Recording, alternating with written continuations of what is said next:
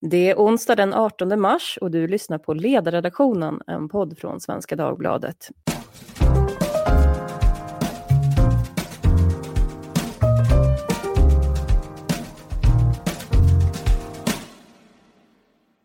Jag heter Lydia Wåhlsten och idag ska vi prata om hur coronaviruset kommer att påverka svensk sjukvård. Alla har väl sett grafen som säger att vi måste platta till kurvan. Men den som har varit lite uppmärksam har sett att den här grafen saknar axlar. Den visar varken hur stor kapacitet vården har eller hur många som kommer behöva vara smittade för att ett sjukvårdsbesök ska behövas. Ni som har lyssnat på den här podden, ni vet ju att jag har stört mig på det här den här veckan. Och därför är jag väldigt glad att ha med någon idag som faktiskt har räknat på vad de här axlarna säger. Det var i en debattartikel i söndags hos oss på Svenska Dagbladet som några forskare hade gjort egna modelleringar och de menade att det inte är omöjligt att Sverige faktiskt går mot en italiensk situation. Och utifrån sin prognos så ifrågasatte de också om Folkhälsomyndigheten verkligen har vidtagit tillräckligt strikta åtgärder.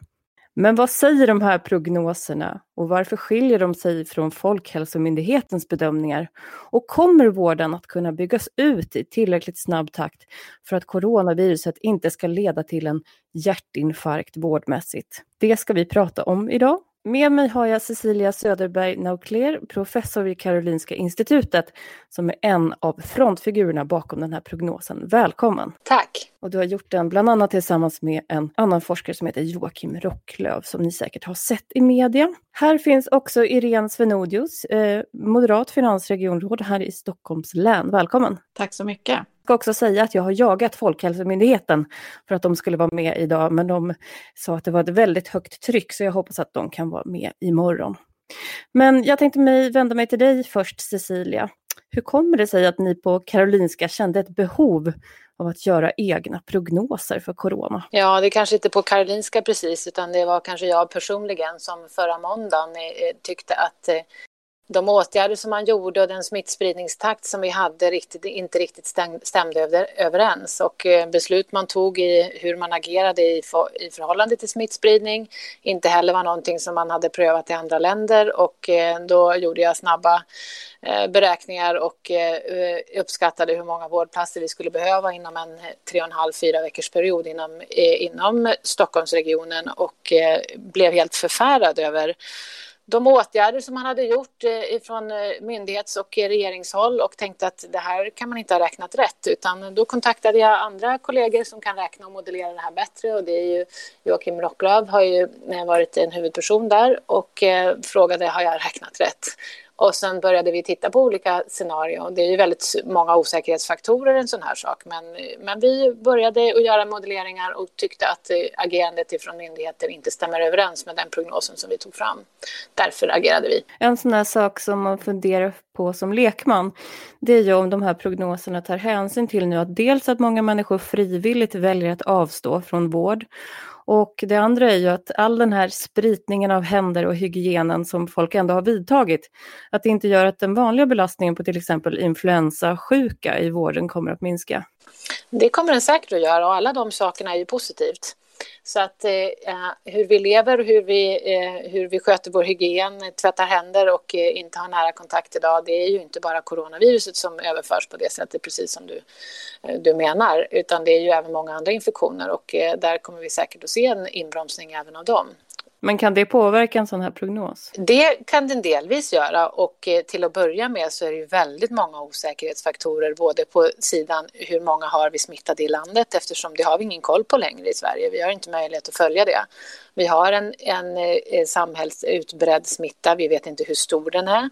Vi kan bara utgå ifrån eh, från olika siffror som vi hade tidigt där man försökte testa många. Eh, och när man gör det och tittar på fördubblingstakten av antalet fall som, eh, som eh Eh, har rapporterats både här i Sverige och i andra länder, vilken takt viruset sprider sig med, då är den ganska lika i många länder och det ser vi, i utvecklingskurvorna ser väldigt lika ut i hela världen. Så att eh, då kan man göra många antaganden om hur fort det här går och sen så när vi nu tyvärr har ett antal dödsfall så kan man räkna baklänges och se hur många borde man då ha haft smittade för en viss tid sedan. Eh, då kommer man fram till hur ser smittspridningen ut, vad kan man tro att man har för, för antal personer smittade vid ett tillfälle och hur många har man då om till exempel 14 dagar. Sen vet vi att vad det gäller eh, prognoserna vad det gäller sjukvården så har vi en fördröjning på inläggningsfall på IVA mellan 8 och 11 dagar. Då får man lägga på det och då börjar vi komma då tre och en halv vecka bort och det var ju det som jag började räkna på att hur många IVA-platser kommer vi att behöva då för vi vet att ungefär 10 procent av de patienter som blir sjuka, de fall som är kända, de kommer att behöva en IVA-vård. Vet man det här med 10 procent, är det liksom den, det estimat man ska jobba med? Ja, 9 till 11 procent ligger det på både i, Italien och Kina. Sen finns det rapporter på 5 procent och eh, där kan man tänka sig att det finns många faktorer som påverkar det också. Men någonstans mellan 5 och 11 procent då. Är det av de som blir allvarligt sjuka eller är det totalt som behöver sjukhusvård? De kända fall så ser man att ungefär 20 eh, procent kan behöva eh, in, läggas in på sjukhus och 9 till 11 procent eh, kräver eh, intensivvård. Av de 20 procenten? Nej, av totala antalet som är insjuknade. Så det är ganska många, så när man blir allvarligt sjuk så behöver man hjälp eh, på sjukhus. Och det finns vissa länder som har, ligger på 5 procent. Men där har det delvis att göra kanske med hur belastad sjukvården är i ett visst läge. Och ja, det finns många osäkerhetsfaktorer eh, även där, men det som sen blir viktigt är ju hur kan man påverka det här vi pratar om? Platta till kurvan. Och eh, där har olika länder agerat i olika tid när den här smittspridningstakten kommer igång. Eh, Sydkorea de fick ganska många fall men gjorde väldigt drastiska åtgärder. De stängde skolor, eh, gjorde, införde extrem eh, social distansering. De har inte stängt eh, landets gränser, eh, men de har väldigt snabbt kommit igång med att testa många smittade och man har dessutom karantänsatt de som har blivit smittade och man har jagat fall. Man har använt mobiltelefoner, kreditkortsanvändning, man slår en, en ring runt de, de, kontakter som man har haft och då har man fått stopp på den här smittspridningen. Då har man alltså både agerat på testningssidan, smittspårning, karantänsättning och på den andra sidan så man, har man agerat på att man, iso, eh, man får folk att bete sig på ett annorlunda sätt. Man ska inte, inte träffas mycket och man stänger skolor eh, etc. Så de har gjort två extrema åtgärder och då har man bromsat den här kurvan även om man har kommit upp i, i, i betydande antal fall. Man hade 29 februari 909 fall och man låg på 260 någonting i, i söndags. Eh, så att eh, där har man lyckats bryta den här kurvan väldigt, väldigt väl andra länder har gått in tidigare, som till exempel Singapore, Hongkong, Taiwan, Israel. De eh, gick in ännu tidigare med liknande resurser och de har, har väldigt få fall. Eh, Israel hade i, i söndags 123 fall och Hongkong ja, ett par hundra fall. Så att, eh, då får man väldigt få, man har väldigt god kontroll och det är klart, då klarar vården att ta hand om de patienter som blir allvarligt sjuka. Men eh, totalt sett kan man säga att det är färre länder som har agerat på det sättet än som har agerat som Sverige, Norge, Italien eh, och nu USA kanske. Precis, för vi är, ja, men vi är lite längre upp och då kan man skatta var befinner vi oss på den här kurvan och vad har, vad har olika åtgärder för effekt. Och här blir det väldigt mycket osäkerhetsfaktorer, som man säger, hur kan vi veta var vi ligger på den här prognosen och kurvan? Jag reagerade förra veckan därför jag tyckte inte att man gjorde rätt åtgärder mot den smittspridningstakt som vi såg ut att ha. Och då kan man räkna på det här på olika sätt, baklänges och framlänges och så kan man se var befinner vi oss i brytpunkter på det här. Och eh, vi har eh, en matematiker, Johan Strömqvist, han eh, har räknat på det här på ett annat sätt och tittat på spridning i hela populationen. Och han kommer fram till väldigt lika, eh, lika data som vi gör, att man, har, man ligger i brytpunkter nu när man inte kommer att kunna göra så mycket åt det här längre. Eh, man kan alltid göra någonting, men, men att det, det, det, går, det blir för stora effekter i sjukvården. Eh, och därför agerade vi. Och man kan säga att om man tittar på Wuhan-data så, så har man uppskattat att om man hade stängt Wuhan en dag tidigare då hade det resulterat i 20 000 mindre eh, konstaterade fall och då ungefär 2 000 mindre IVA-platser.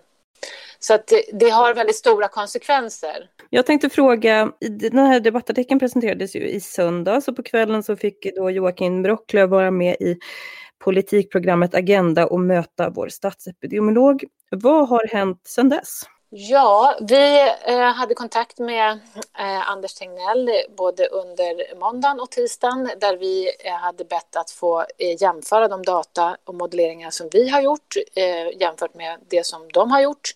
Och vi har blivit lovade ett möte både på måndagen och på tisdagen och idag är det onsdag. Jag har fortfarande inte sett någon mötestid trots eh, att vi har tryckt på ett antal gånger. Hur tolkar du det? Ja, jag undrar eh, om man kanske uppdaterar sina prognoser nu innan man vill jämföra med oss. Ja, det får man nog svara på själv, men jag tycker det är väldigt konstigt att man inte, att man inte vill titta på vad vi har för data jämfört med dem eftersom vi har räknat ut att man befinner sig i brytpunkter för väldigt viktiga beslut av, av en extrem social distansering för att man ska kunna bryta den här kurvan. Du sa tidigare att han hade varit lite skeptisk till just Rocklövs förmåga att göra den här prognosen och han betonade också i Agenda att det är väldigt mycket osäkerhetsfaktorer. Vi tycker alla att det är många osäkerhetsfaktorer här, men här menar jag på att man, man om man kan modellera det här från, på olika sätt eh, och eh, man kan göra olika antaganden, men det är precis det som vi vill diskutera. Att i olika scenarier, var ligger vi nu? Men nu är det så att vi har eh, flera döda i Sverige och det betyder, och vi har flera av dem som har inte haft någon kontakt med någon som har rest, eh, vilket betyder att vi har en, en smittspridning i samhället och många av oss runt omkring hör om personer som både har blivit positiva i test men som också är, är symptom och som inte får några test i sjukvården. Vi kan inte bedöma det här idag men, men, men vi har absolut en pågående samhällsspridning och frågan är hur stor den är just nu. Irene, jag tänkte höra med dig, hur ser dialogen ut mellan regionen och myndigheten? Ja, eh, regionen har ju en väldigt tät dialog med Folkhälsomyndigheten, med Socialstyrelsen och också i eh, hanteringen av effekterna utav eh, smittan och smittspridningen med Länsstyrelsen. Vi baserar ju våra beslut på det som är Folkhälsomyndighetens rekommendationer och bedömningar. Vi gör ju inga egna kalkyler eller egna prognoser eller scenarios utan vi baserar oss på det som görs på nationell nivå. Och då skulle jag jättegärna vilja ställa en fråga där. När fick ni eh, information från eh, Folkhälsomyndigheten att ni måste starta bygga ut intensivvården och till hur många platser? Alltså det är ju eh, något som är på tjänstemannaplanet gentemot vår, vår smittskyddsläkare, gentemot våra chefläkare och den regionala särskilda sjukvårdsledning som finns i Region Stockholm. Jag kan dock säga att vi i Region Stockholm eh, gjorde ju däremot en egen bedömning väldigt tidigt att den här smittan skulle nå Sverige, att den skulle nå Stockholm och eh, drog igång förberedelser väldigt tidigt. När är väldigt tidigt? Ja, det beror på hur man ser det, men vi, jag var själv och besökte högisoleringsenheten på Huddinge för att informera mig om deras verksamhet precis i månadsskiftet januari-februari. Och vi drog igång vår regionala särskilda sjukvårdsledning som alltså är en egen organisation då eh, den 7 februari. Och vi fick vårt första konstaterade fall i Stockholm den 27 februari. Det där låter ju jättebra, men när jag hör vad som händer på insidan av mitt sjukhus så har ju de här förberedelserna eh, inte tagit fart förrän långt, långt senare. Och du är i Stockholm ska man säga. Men Irene, eh, har du något svar på frågan från Cecilia kring om ni har fått någon prognos från Folkhälsomyndigheten? Vi har ju eh, gått ut och eh, ökar antalet IVA-platser kraftigt. Eh, regionala särskilda sjukvårdsledningen fattar ju de operativa besluten och genomför tillsammans med sjukhusen eh, arbetet utifrån att vi ska planera för ett stort sjukdomsutfall och vi har i kort sikt nu så ökar vi antalet IVA-platser med 50 procent för att inom kort ha ökat dem med 100 procent och då är vi uppe i 180 platser. Vi fortsätter att utöka ytterligare. Vi, det här handlar ju inte bara om beredskapen för smittspridningen i corona och i covid-19 utan det här handlar också om Sveriges säkerhets och beredskap så därför pratar ju inte myndigheten om exakt antal platser, hur många kan man ta fram, på olika ställen i Sverige. Men vi är ju beredda att ställa om vården i Stockholm väldigt kraftigt och då handlar det om omplaneringar för saker som inte då kommer att utföras för att kunna istället ha IVA-platser men också ha vanliga vårdplatser för de som inte behöver IVA-platser men ändå behöver sjukhusinläggning. Vi samarbetar nära med kommunerna för att se vilka äldre kan vi ta bättre om hand om på äldreboenden som inte behöver sjukhusvård så att vi minskar smittspridningen till de sköra äldre som inte behöver sjukhusvård. Det handlar om att både minska smittspridningen och ta hand om de som drabbas av covid-19 naturligtvis. Det har ju kommit en brittisk rapport som då gjorde en kalkyl utifrån Neil Ferguson som jag har lärt mig nu är en av de bästa immunologerna i Storbritannien. Och då visade ju den här rapporten som nu har fått den brittiska regeringen att svänga att det var ungefär en, en faktor 8, faktor 10 på bristen på intensivvårdsplatser när, när kulmen kommer nås av den här smittan. Hur ser motsvarande beräkning ut hos er Cecilia? Den är väldigt li liktydlig kan jag säga. Så att eh, min fråga till Irene skulle vara att eh, vad har Folkhälsomyndigheten sagt att ni ska ha beredskap för? Hur många, hur många IVA-platser skulle vi behöva i mitten på april? Mitten på slutet på, eh, på april i Stockholm. Vad vi nu förbereder är då väldigt skyndsamt har dubbelt så många IVA-platser, alltså 180 kortsiktigt och fortsätter att byggas ut. Men också övriga vårdplatser. Vi, vi har ju ett stort sjukvårdssystem. Vi tittar också över vi har precis eh, flyttat in i ett antal nya byggnader. Det gör att vi har gamla byggnader att använda och gamla lokaler att använda eh, som vi också förbereder för och inventerar på alla sätt. Jag ställer en metafråga så här då, Irene. Är det känsligt att prata om hur många vårdplatser det eh, finns? För jag menar, det är ju sekretessbelagd information, har vi lärt oss. Och eh, man har liksom, media har försökt räkna baklänges här på hur många platser som finns. Finns det liksom en motvilja mot att prata i konkreta bäddar för att man kanske tycker att det är missvisande eller att det kan skapa panik eller någonting sånt? Nej, men det här handlar ju faktiskt om Sveriges krisberedskap som inte bara är kopplat till covid-19. Det handlar ju om information till andra eh, intressenter som, som, vi kan, som kan innebära att vi behöver ha en säkerhet och ett eh, säkerhetsskydd i Sverige som inte handlar om just den här händelsen som gör att man är försiktig tror jag från olika myndigheters sida. Vi har eh, sammantaget har ju vi eh, eh 2800 vårdplatser i Region Stockholm. Och hur de används kan alltså omdisponeras beroende på behov. Vi har därutöver avancerad sjukvård i hemmet som är ungefär lika stor i antal vårdplatser per dygn.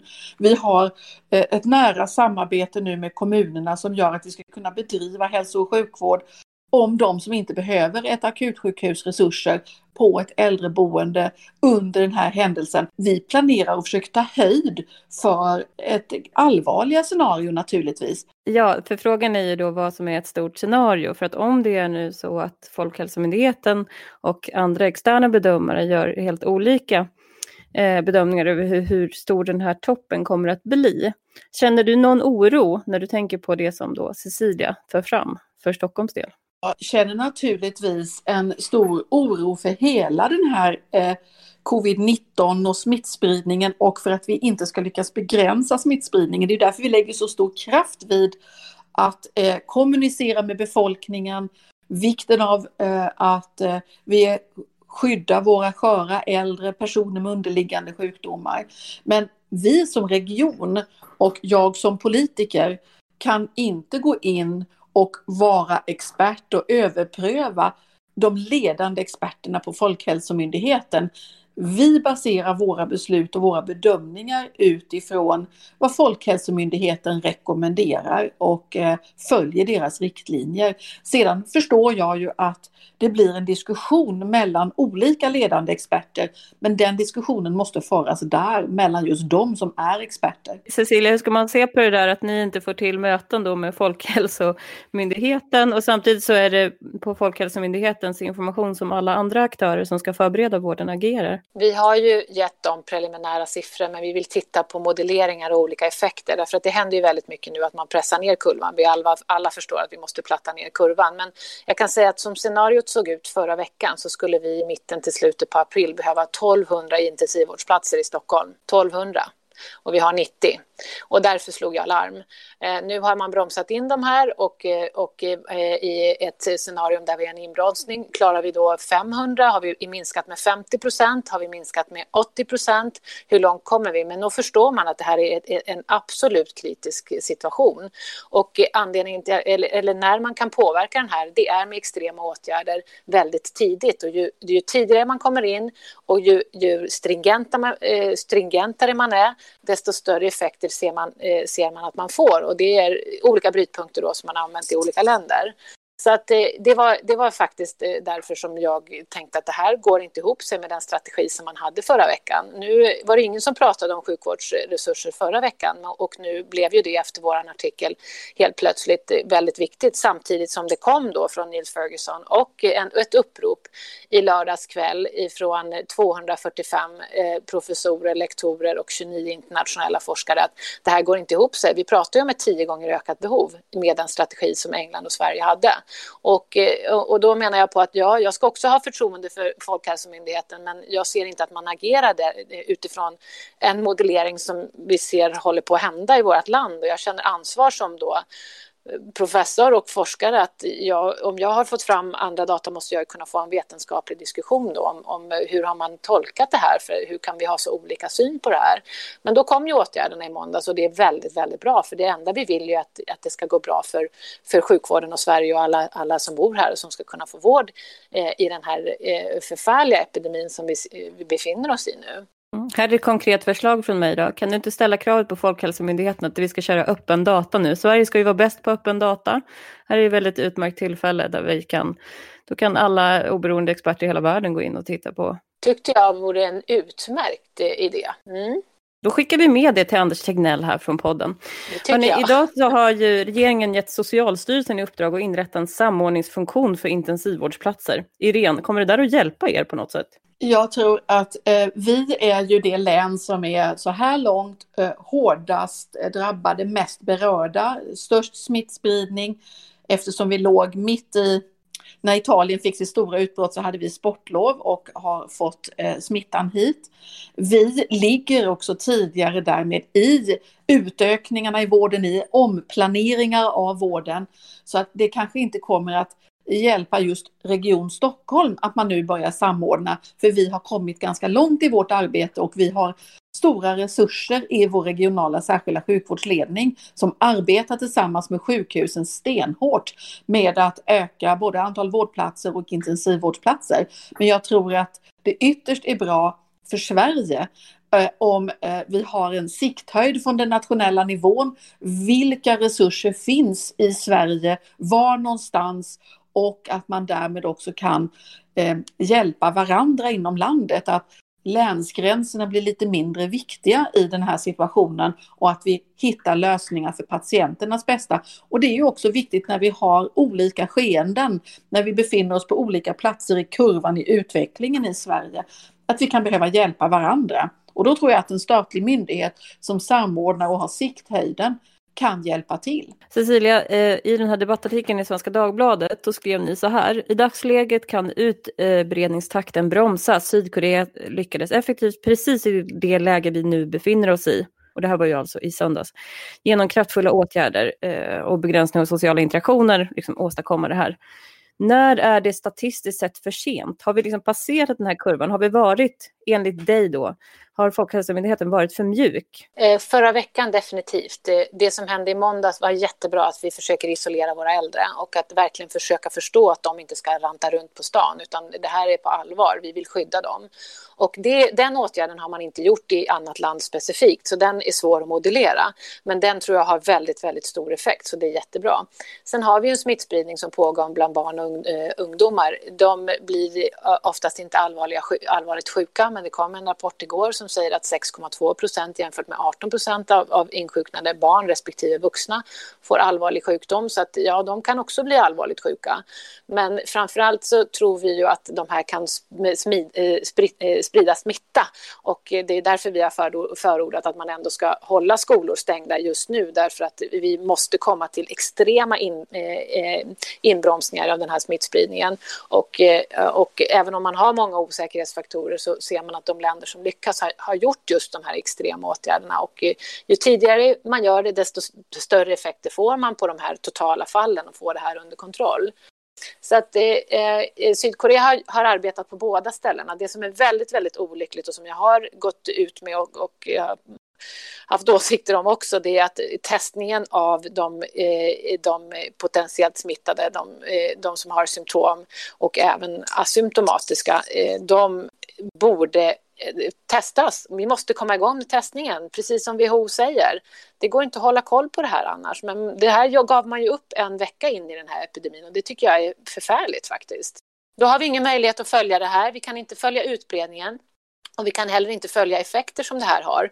Och vi kan inte smittspåra på ett adekvat sätt. Men det tyckte inte jag man gjorde eh, redan första veckan efter sportloven. För där fick vi höra att det gick elever på skolor som, eh, som, blev, eh, som blev sjuka bara några timmar efter de gick hem. Och sen så sa man att man skulle inte smittspåra dem därför de smittar inte innan de blir sjuka. Och det är fel. Och så agerar man inte i andra länder, vilket betyder att det blir också svårt att modellera det här, därför att vi har gjort antaganden i Sverige, eller vi har, har, har ett förhållningssätt i Sverige som man inte har i andra länder. Det är ingen annan som har släppt det här fritt. Det gör vi nu. Vi kan inte testa och vi kan inte spåra. Det finns inte någon data som Folkhälsomyndigheten ändå har redovisat som gör att man kan, apropå räkna baklänges, alltså eller ni har bara utgått från åtgärderna och liksom funderat på okej? Okay. Vi, har, vi har ju följt antalet fall som rapporterades första veckan, men de var ju framför allt importfall det var ju de som kom med, med, med sjukdomen från, eh, från eh, Italien framför allt, Iran delvis också. Men eh, där eh, har, har ju jag en åsikt om att jag tycker att man skulle ha gjort som i andra länder, att man karantänsätter de som har varit utsatta för smitta åtminstone timmar innan man har, har, har blivit sjuk. Och det gjorde man inte och då är det ett första steg i att man inte karantänsätter på ett sätt som andra gör och då blir det också svårt att jämföra andras länder med våra data. Men du har ju framfört det här till Anders Tegnell. Vad säger han då? Eh, just om smittspridningen har de inte svarat på. Det började jag gnälla på eh, redan andra dagen efter sportloven där. Eh, så att eh, det har varit väldigt svårt att nå fram till dem. Och nu när jag väl har en direktkontakt till honom och han har lovat mig ett möte sen i måndag så har ju det fortfarande inte kommit till. Så att det, det är, jag kan inte stå för, jag, jag, vet inte vad det beror på, men eh, vi har inte fått träffa honom och diskutera de här sakerna i detalj. Och han säger ju hela tiden att ja, det är så mycket osäkerhetsfaktorer och då menar jag på att försiktighetsprincipen måste råda. Eh, det har vi alltid eh, följt i Sverige och eh, det är viktigt att, att vår statsmakt skyddar våra invånare och då tycker jag att man ska agera som man ser fungerar i andra länder och det har man inte gjort. Om det är strategier eller resursbrist eller inte vet jag, men man gör inte som andra länder och då är det svårt att bedöma vart vi är på väg. Men vi har både en broms och en gas kan man säga här nu och den är svårvärderad. Om jag säger så här då, du pratade om att det skulle behövas 1500 intensivvårdsplatser, nej 1200 intensivvårdsplatser i Stockholm. Ja, ja, det var under det scenario som vi hade förra veckan. Nu har vi gjort inbromsningar. Om du kan se hur samhället har förändrats bara på en vecka så är det enormt bra. Och, och, och, den är svåruppskattad i det här att vi inte kan titta på utbredningen å ena sidan och å andra sidan inte vet exakt vad, vad isolering av äldre gjort tidigt har man inte gjort i andra länder. Man har gjort mer, eh, mera totala effekter.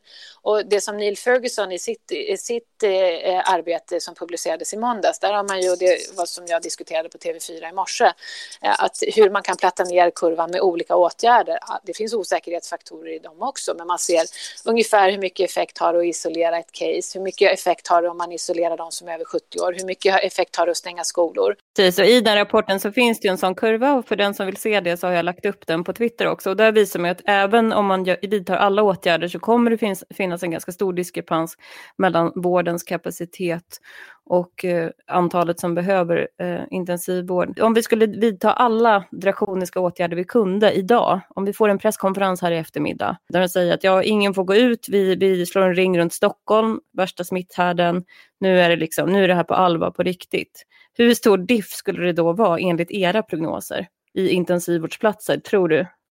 Det är, det, är extrem, det är extremt svårt att svara på, men som Irene säger, man, man gör ju allt. Det här är inte bara på siffror. Alla jobbar ju stenhårt med att och öka antalet platser. Alla vill ju att det här, den här ekvationen ska gå ihop. Men kan den gå ihop? För det har ju också kommit liksom en diskussion om det går att få ihop de här kurvorna överhuvudtaget. Ja, med extremt, eh, extremt eh, eh, eh Eh, stringenta eh, då införda eh, ja, vad ska jag säga, rekommendationer eller regelverk kring hur man, hur man ska bete sig. Det är det enda som hjälper nu. Det, här, det spelar, spelar ingen roll om vi slår en ring runt Stockholm. Det spelar roll hur många du träffar ikväll, hur många du träffar på ICA, om du ska gå på basketträning ikväll. Det är det som spelar roll. Det här är en kontaktsport. Det går att säga att, att vi kan få ner kurvan. Ja, ja, men för varje dag man inte inför de här e- extrema åtgärderna så, så blir det värre, värre på bordet om, om tre veckor. För en annan hypotes är ju att många svenskar har vidtagit eh, så att säga, extraåtgärder utöver det som Folkhälsomyndigheten har rekommenderat. Så det är ju kanske svårt att veta vad folk faktiskt har gjort och vad, vad myndigheterna så att säga har uppmanat till. Men eh, jag tänkte fråga er, ni har ju tittat på, jag vet att du Cecilia i alla fall såg den presskonferens som nu Folkhälsomyndigheten har varje dag klockan två.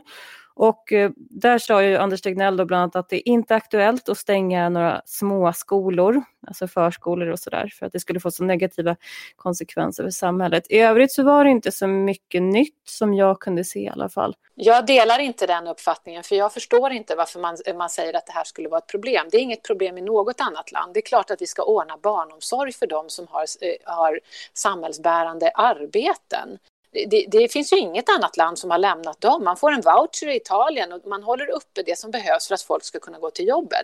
Men vi måste minska på sociala interaktioner och även barn är smittspridare. Det vet vi. Vi vet inte hur stor andel det är, men just nu måste vi bromsa på allt. På allt. Alla måste, alla måste hjälpas åt.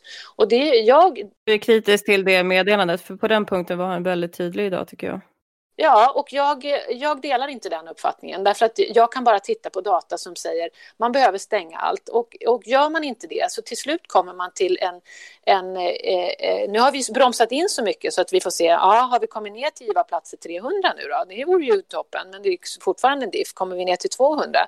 Men det här beror ju för att folk har betett sig annorlunda. Företag har skickat hem folk. Det är ju inte statsmakten som har sagt det, det är för att folk fattar att det här är på allvar. Det är, det är på grund av att folk är jätteduktiga i Sverige just nu. Det är därför vi bromsar in det här så pass bra. Men det är ju inte för att, för att vi har begränsat möten till 500. Det spelar ingen roll i det här läget. Det gör ju faktiskt inte det. Det spelar roll om du träffas. Jag hade kollegor som eh, eh 12 doktorer som åt, åt middag tillsammans för två veckor sedan. 11 av dem blev sjuka. 11 av 12. Jag hoppas att de har börjat jobba för några av nätläkarna nu. Om de sitter i karantän. Ja, om de sitter i karantän. Så att det är en jättesvår situation. Alla vill samma sak. Vi kan ha olika åsikter om, om vilka, vilka drastiska åtgärder i vilka, vilka scenarium och, och vilka stadium vi befinner oss i. Men det är på allvar. Vi måste göra allt vi kan för att bromsa det här. Och vi kan ta ett samhälle som är stängt forever. Men vi måste finna tid till de omställningar som nu görs i sjukvården. Men vi måste också hitta strategiska planer för hur ska vi förhålla oss till det här? Vad ska vi ta oss till? Det är inte så lätt. Irene, vad känner du generellt om den här eh, diskussionen kring Folkhälsomyndigheten som nu har blivit väldigt stor. Jag såg att du var ju tidigt ute och, och gjorde en så kallad hemställan till regeringen och den fick du ju svar på ganska snabbt då med att Sverige skulle kunna producera eget eh, skyddsmaterial för vården och sådär. Alltså den här diskussionen är ju utifrån det, för mitt perspektiv är det ju väldigt svår. Eh, därför att det är olika ledande experter som verkligen gör helt olika bedömningar av läget.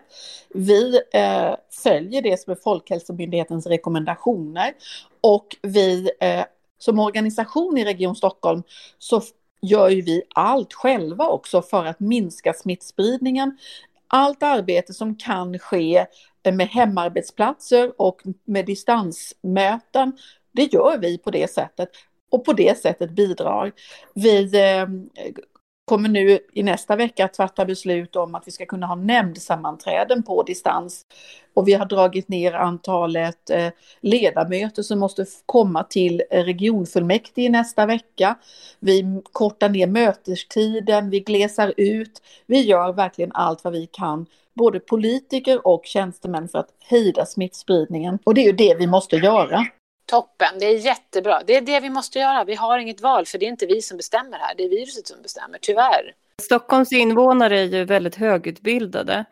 Tror du att människor kanske kräver en annan typ av information, alltså mer detaljerad information än den som hittills har getts när det kommer till just de här prognoserna för vården till exempel? Jag är övertygad om att alla invånare i hela Sverige behöver mycket information, mycket kommunikation från samhället, från oss i vården. Och eh, kanske särskilt våra invånare som är väldigt pålästa. Vi, vi googlar, vi läser allt om olika saker, så det är klart att det är viktigt. Vi eh, kör också nu mycket information och kommunikation på tio olika språk i alla egna kanaler som vi har, både sociala medier, i kollektivtrafiken, men också i köpta kanaler för att nå ut till befolkningen om hur ska vi bete oss, tvätta händerna, stanna hemma i så stor utsträckning som möjligt. Kan du jobba hemma, gör det. Tror ni inte på att det skulle vara bättre med lite skräckpropaganda? Om du inte stannar hemma, då kommer vi ha 400 personer som behöver respiratorer som inte kommer kunna få det. Nej men alltså, vi ställer ju om så att vården ska kunna klara alla de som ska in i akutvården. Det är ju det är ju den trygghet vi måste kunna leverera. På kort sikt fördubblar vi antalet IVA-platser.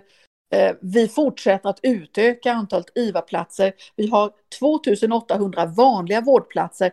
Att vi under det senaste året har lyckats öka antalet vårdplatser i Stockholm, det har vi inte pratat så mycket om, men det är de facto så att vi har ökat antalet vårdplatser ganska mycket det sista året i Stockholm. Det har vi ju nytta av nu när vi går in i en sån här händelse och där vi kan ställa om vanliga vårdplatser till både intermediära intensivvårdsplatser och intensivvårdsplatser för att kunna ta hand om många, många fler svårt sjuka. Jag tänker att du ska få komma tillbaka till podden där i slutet av april så får vi se vad det egentligen är som har hänt. Men Cecilia, jag tänkte ställa en fråga till dig.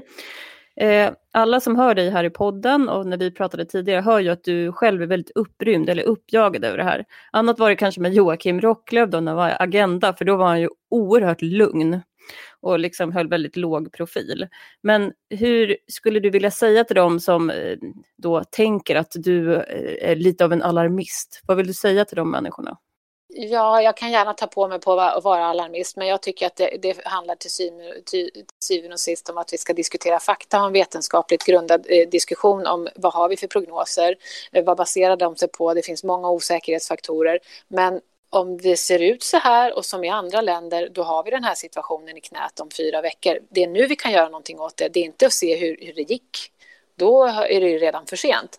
Och då kan jag gärna vara den där alarmisten. Jag vill samtidigt eh, eh vara väldigt tydlig med att det här är ju en väldigt mild infektion för väldigt många. 80 procent kommer att klara sig jättebra utan det här är ju mer en solidarisk handling skulle jag säga mot både de som jobbar i vården och ska ta hand om det här och för de som blir allvarligt sjuka.